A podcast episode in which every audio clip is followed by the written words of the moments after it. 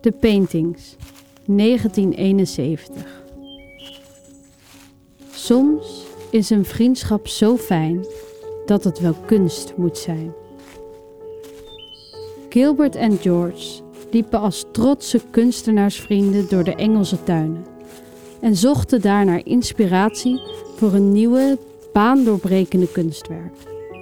Ze zochten naar schildersinspiratie in de paardenbloemen langs de weg, een mogelijk beeldhouwwerk in het struikgewas of een muziekstuk uit het zoemen van de muggen.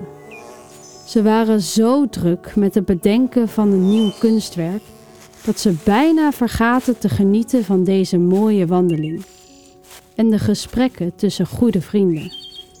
Tot Gilbert sprak tot George: Dit is het.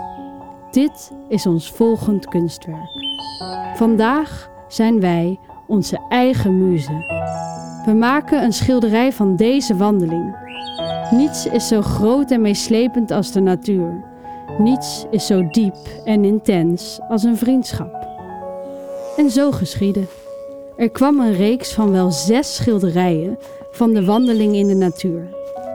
Spot zou ook wel zo'n goede vriend willen, als Gilbert is voor George.